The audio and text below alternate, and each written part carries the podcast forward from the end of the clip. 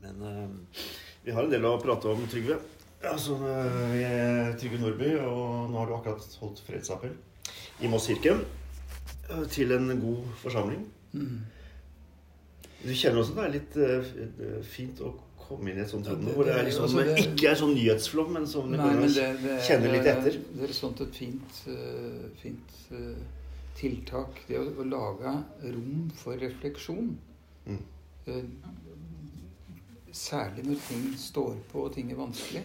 Mm. Det er jo helt nødvendig både for den enkeltes overlevelse, men også for å kunne gjøre det riktige valget. Altså håndtere ting, så trenger du både å reflektere og snakke med noen. Mm. Og det som dere gjør her i kirka, har jo blitt nettopp et, et sånt rom. Og det ser du på de som kommer, og som blir etter at du Ja. har Ja. hørt en liten appell og hørt vakker musikk. Ja. ja. Nei, vi etablerte dette rom for håp eh, egentlig fordi vi har åpen kirke normalt på fredager. Og, og nå har jeg kommet ut av tellinga. Er det fjerde gangen nå? Eh, og det kommer mer og mer folk, og vi treffer tydeligvis et behov. Og jeg kjente selv at, at det kommer til et sånt Kommer til et sted i den informasjons- og nyhetsflommen nå at du begynner å skjerme deg litt for å ta inn alt, men du må Altså det å ha et sted hvor du faktisk eh, kan synke litt ned i det, Mm.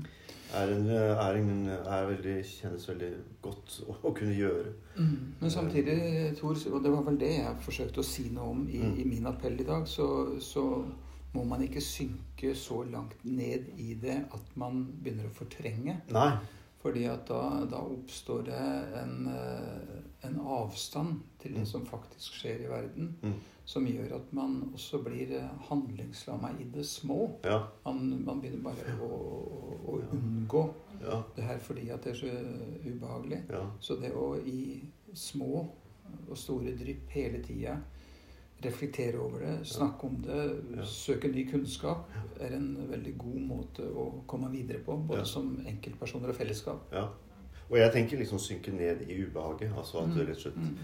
At eh, det å ha et sted hvor du får, får både muligheten til å reflektere litt rundt situasjonen sånn som man er, med mennesker som har kompetanse og, og, og sånn som du her, da, som har bakgrunn fra både Flyktninghjelpen og Røde Kors og UDI. Du har vært leder i alle disse organisasjonene og jobba ute i felt og kjent dette på kroppen. Du vet hva det dreier seg om, og du vet også hva det dreier seg om å få flyktninger til Norge. Mm. Um, Hva, hva tenker du er liksom de største utfordringene vi står overfor som, uh, som samfunn nå, da, i forhold til flyktningstrømmen? Nei, det er jo mange perspektiver på, på et sånt spørsmål. Et eh, sånt kort perspektiv er at utfordringa nå er jo det opplagte å skaffe husrom og klare å ta vare på folk på en, eh, på en anstendig måte. Mm. Eh, Men så får du med en gang et eh, lengre perspektiv. Du må forholde deg til et lengre perspektiv hvor utfordringa blir å leve med dette her. Dette koster ikke bare innsats, det koster penger. Mm. Vi vil konkurrere med andre alle gode ting vi har lyst til Mm. å gjøre. Og den medfølelsen og den solidariteten vi nå kjenner på og praktiserer i det Mm. daglige, Mm. den skal jo vare. Altså Mm. det det syns jeg har vært gjennomgående i alt jeg har jobba med når det gjelder eh, konflikter eller naturkatastrofer, for den saks skyld. At det, det varer jo. Det tar lang tid. Selv om det blir fred en dag, selv om du klarer å gjenoppbygge et samfunn, så er det å holde ut og forberede seg på at man må ha en betydelig vilje og evne og kraft. Mm. Og da ligger akkurat dette som du nå inviterer til, å kunne reflektere, snakke om det og være seg bevisst på at det her er en eh, maraton. Mm. Mm. Ja. Og, og, og er, her, er, her er liksom plan A, plan B, plan C. Altså Ukrainere vil garantert ønske om å reise så fort som mulig hjem hvis det blir fred. Mest sannsynlig mange av dem. Ja, men det, ofte så er det gråsoner, da, vet Mm. du. At det, er, det vil være helt sikkert noen som både kommer fra områder hvor det er eh, blitt fredelig, eller Mm. blir fredelig, Mm. og som kanskje også da har eh, intakte hus og et, et utkomme å reise tilbake til. Og så Mm. har du de som er i en mye, mye vanskeligere situasjon. Ja. uh, rent materielt. Og så er det alt det følelsesmessige. Så det, det er en, eh, en stor oppgave i alt flyktningarbeid også å i hvert fall ha i bakhodet dette med retur og de varige løsningene. Mm. Jeg sier ikke at alle nødvendigvis skal hjem, Mm. men eh, det å hele tida bearbeide at man er i en fluktsituasjon, og man må få noe mer varig oversikt, Mm. det er det viktig å holde på. For ellers så blir det bare veldig smertefullt. Mm. Og så er det noen som da får, både av de som er de gode hjelperne, og de som selv er på flukt, som får uh, helt gale forestillinger om at uh, dette her behøver, dette går av seg sjæl. Mm. Dessverre så gjør det ikke, ikke det. Men det fins mange gode løsninger, og det fins mye gode folk og uh, mye erfaring på, på det her. Mm. Så ser vi igjen at, at familier blir splittet og, og brutt opp. Da. Det stort sett er kvinner og barn, kanskje ressurssterke, som greier å komme seg ut.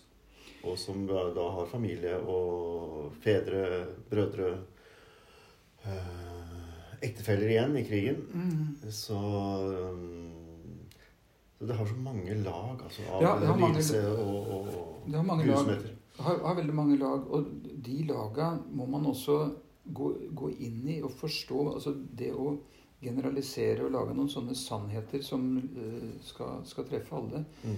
det går jo heller ikke an. Mm. Uh, ta f.eks. den situasjonen at vi da om i en framtid hvor det blir en fredelig løsning i Ukraina, men hvor det er noen som kommer fra en situasjon hvor det vil være umulig å vende tilbake. F.eks. at man kommer fra de østlige delene som får en eller annen politisk løsning som blir umulig å oppholde seg i. Mm. Så kan det jo hende at vedkommende da har en, uh, har en familie i Ukraina. Mm. Og Da blir spørsmålet skal den, uh, Hvis vedkommende da Mm. faktisk bør få lov til å få varig opphold i Norge, skal også den Familien, familien få, få komme? Så du, du får Mm. veldig mange sånne følgespørsmål. Mm. Og, og da er det så viktig igjen ha kunnskap om det som skjer, uh, forholde seg bevisst til, til det, og hele tida kartlegge de faktiske mulighetene som enten oppstår eller som lukker seg, og være åpen om Mm. det. Mm. Jeg syns dessverre at en, en del av uh, flyktningdiskusjonen veldig fort blir både politisert og, og, og sjablongmessig. Nå er vi Mm. enda der at eh, alle ønsker å, støtte dette er vårt nærområde. Dette er hvite, kristne mennesker som kommer til oss. Men flyktninger handler også om å, å ta imot eh, og hele tida Mm. folk som kommer fra andre deler av verden, med andre kulturer, med andre Mm. eh, religioner. Og da er det viktig at vi ikke har forskjellige standarder Mm. eh, ut fra hvem som kommer, og hvor, hvor, hvor de Mm. kommer ifra. Mm. Nei, helt klart. Samtidig så, så merker vi jo at hva skal vi si, folkeopinionen har lettere for å ønske eh, ukrainere velkommen enn da vi hadde samme situasjon i forhold til Syria. Ja da. Det, Så- det ligger i sakens natur. Det, det er tettere på som det, er, kultur. det som er tettere på, det, det, Mm. det, det Mm. merker du jo Mm. annerledes på kroppen. Og du har ofte da også rent faktisk mye mer kunnskap, Mm. og kanskje også forbindelser til, Mm. til de som kommer. Mm. Eh, Men flyktningbeskyttelse altså som institusjon, da, det at verden har eh, internasjonale avtaler som sørger for at folk skal kunne få søke tilflukt og få beskyttelse, Mm. er jo ikke uh, forbeholdt bare de som kommer fra nærområdene. Mm. Så her må vi ha to tanker i hodet Mm. samtidig. Ja. Og så har vi situasjonen hvor øh, det er et enormt stort folkelig engasjement. Og, og, og det er øh, Hva er Ukraina? 150 millioner eller noe sånt. Så folk reiser bort med busser og lastebiler og eh, tar med seg folk tilbake. Og vi hadde litt av samme situasjonen når Romania falt, altså diktaturet falt. Eh, Engasjementet ble veldig stort. Og, og så kommer dette på en måte litt sånn på siden av de store organisasjonene og det. Mm. Og hva tenker du om, eh, om det, det Nei, engasjementet jeg- jeg- i forhold til hvordan eh, man etablerer seg som For, for det første så må man jo bare øh, ønske alt engasjement velkommen. Mm. Så må man av og til gå inn i en dialog og si det at det er, det er ikke lastebillass med leker eller klær man trenger akkurat nå. Men man kan hende man trenger, trenger andre ting. Mm. Men eh, det må jo ikke skje på en sånn måte at man dreper engasjementet. Nei. Eh, det andre jeg tenker, er at eh, jeg syns eh, for ofte så blir vårt veldig regulerte og altså velorganiserte Norge nesten et problem for å handle raskt og, og ta inn flyktninger. Jeg husker jo situasjoner jeg, i, i tidligere jobber hvor vi måtte ty til uh, teltleire. Mm. Eh, og hvor noen da sier at nei, sånn kan ikke flyktninger bo. Underforstått da er det bedre at de ikke kommer til Norge. Mm. Mm. For, for de har liksom en sånn minstestandard, og her skal det være så og så ordna. At det må bli ordna over tid, er, Mm. er klart. Men at vi i situasjoner først og fremst må få folk vekk fra krig, vekk fra en farlig situasjon, da må man Mm.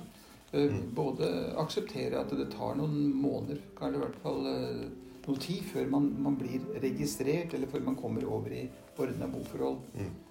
Jeg husker til og med en situasjon hvor vi Det var omtrent én til én mellom å få folk ut fra fangeleire inne i Bosnia Mm. eh, og det å ha en plass ute. Altså Hadde hun plass i Norge eller andre land, så, Mm. så fikk Røde Kors gå inn og, og hente folk ut. Mm.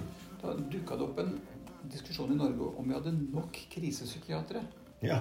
Altså, igjen Ja. har vi ikke Ja. kan, kan, du ikke få, kan få førsteklasses uh, behandling her i Norge, så er det nesten bedre at du forblir i fangeleiren. ja. Det går ikke an. Nei, det går ikke an.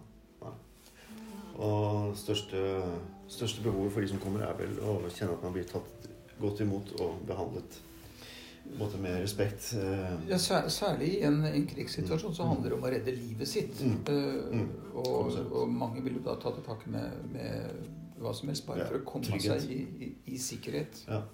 ja. Ser, ser, du, ser du håp i alt dette som skjer nå? Er du, eller er du trykket ned i forhold til mediebildet? Jeg er veldig trykka ned. merker Jeg Jeg merker at jeg går igjen, eh, som mange mange mennesker rundt meg, går i en sånn mollstemning fordi at eh, Mm. det som kommer fra Putins side det, Så langt syns jeg ikke det levner noe håp på, på kort sikt. Nei.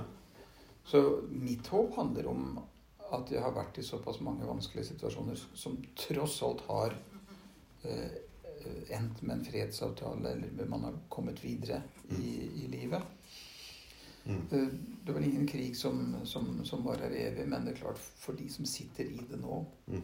som mister sine nærmeste, og som ikke ser et utkomme kanskje på i hvert fall mange, mange år, Mm. så eh, er, er det vanskelig å sitte her og i hvert fall vise noe som er et, et lysglimt, annet enn enkeltskjebner, ikke sant, som, som eh, får hjelp fra, fra noen, eller finner igjen noen som de har, har, har mista. Og så er det eh, altså, Du som har jobbet så lenge innenfor humanitær virksomhet, og, og, som jeg også har hatt en touch av, så, så er det, selv om du vet om all galskapen og all ondskapen, så, så vet vi også alle de som står på huet for å gjøre en forskjell og hjelpe til. Altså, det er liksom alltid sterke miljøer, sterke mennesker som, som gjør så mye, som er liksom disse håpsbærerne, da, eller liksom tenner lys i disse situasjonene. Og tenk på alle de som nå er på grensa for å forsøke å, å gjøre en forskjell for de som Det, det, det er helt, helt enestående. det- mm. Det, det, er, det så mye mer Mm. kraft, Mm. eh, humanitær kraft, Mm, nestekjærlighet i uh, folk mm, enn det man ser i det daglige. mm. Som da, når det blir satt på prøve, kommer fram. Det er, det er jo bare rørende og så flott Ja. å se det. Og så er det en annen ting, Tor, som jeg også bare har lyst til å, å si når vi Mm. snakker om dette her. Det er at eh, når det en dag kommer en, en fredsløsning eller for hele eller deler av landet, så er det så utrolig flott å se at de samme gode kreftene slår til inne i konfliktsituasjonene. Altså Mm. det, i de mørkeste kroker, bokstavelig talt, Mm, så begynner det å spire og gro både kultur og livslyst mm, veldig fort. Altså livet vil seg. mm. Eh, Trenger seg fram. Ja, og det, og det gir også en, en, en, en, en, Mm. et håp. Ja. ja. Og det er jo det vi har hørt om også, at kultur og kunstnere har, eh, har en frihet til å velge om de faktisk vil gå inn i krigen eller jobbe med kunst og kultur fordi det er så viktig altså i Ukraina. Og vi har jo da nettopp en situasjon nå hvor vi vet at Kiev Kammerkor Hvis ikke noe annet skjer, så kommer de til Norge i september og skal gjøre bl.a. konsert her i Moss kirke 4.9. Vi skal til Olavsfestdagen, og det er et ballettkompani som kjører rundt omkring i Europa, som skal til Oslo konserthus 22.4. Uh, og det kommer en forestilling hit, nå husker jeg ikke datoen, med også et ukrainsk slags sånn sirkusteater eller noe sånt. I, til Parkteatret. Så, så, det er Det er så mye sprengkraft i å møte mennesker nå, og, og ikke minst er dette en sterk kulturnasjon, og det ser vi kanskje litt på det trøkket vi har nå da med presidenten, og, og hvordan dette her nå han har jo vært en Oppildner hva skal vi si, kampen mot det. Og, ja, han har vært en enorm inspirasjonskilde. Uh, han kunne mange kunne rømt, ikke sant? Han kunne ha stukket av. Ja, tatt helikopter og, og kommet mm. seg ut så fort som mulig. Mm. Men alt det du sier, er også veldig, veldig uh, vekker for alle de som i en normalsituasjon uh, kimser litt av alt fra vennskapskommuner til utveksling, kulturutvekslinger. Mm. Uh, det at det ene musikkorpset reiser fra oss til et, en by i Russland, eller man gjør, man gjør noe annet som mm. Egentlig lager disse mange små tråder ja, ja. eh, mellom kulturer og, mm. og, samfunn, det har en stor betydning. Og mm. særlig når det røyner på som det gjør nå, mm. så er det ofte det vi har å spille på. Ja. Og det er håpsbyggende. Ja, det er håpsbyggende. Og vi er eh, av samme rase alle sammen. Den eh, dødelige og sårbare. Mm. Så, men takk, eh, Trygve. Og neste fredag så kommer vi en du kjenner godt. Eh, Vigdis Svevstad, som jo er eh, ikke minst markert seg tydelig også i forhold til flyktningpolitikk, og er jurist og har folkerett og menneskerettigheter som spesialfelt. Så hun får også delt noen av sine, sine kunnskaper og kompetanser rundt dette om en uke. 8. april blir det ikke det? Mm. Fredag 8. april. Det blir fint. Da får vi en en av disse nasjonale jazzmusikerne som har, nå har bosatt seg i Moss, Atle Nymo, som kommer og spiller saksofon, og som nok kommer til å fylle rommet. Igjen da med håp og musikk. Så velkommen alle som kan. Hver fredag blir det nå fram til andre fredagen i juni, så har vi folk som kommer. Og takk til dere i Arena som Takk til dere i Arena som organiserer dette. Jo, takk. Takk for det, Trygve. Takk igjen, og god fredag videre.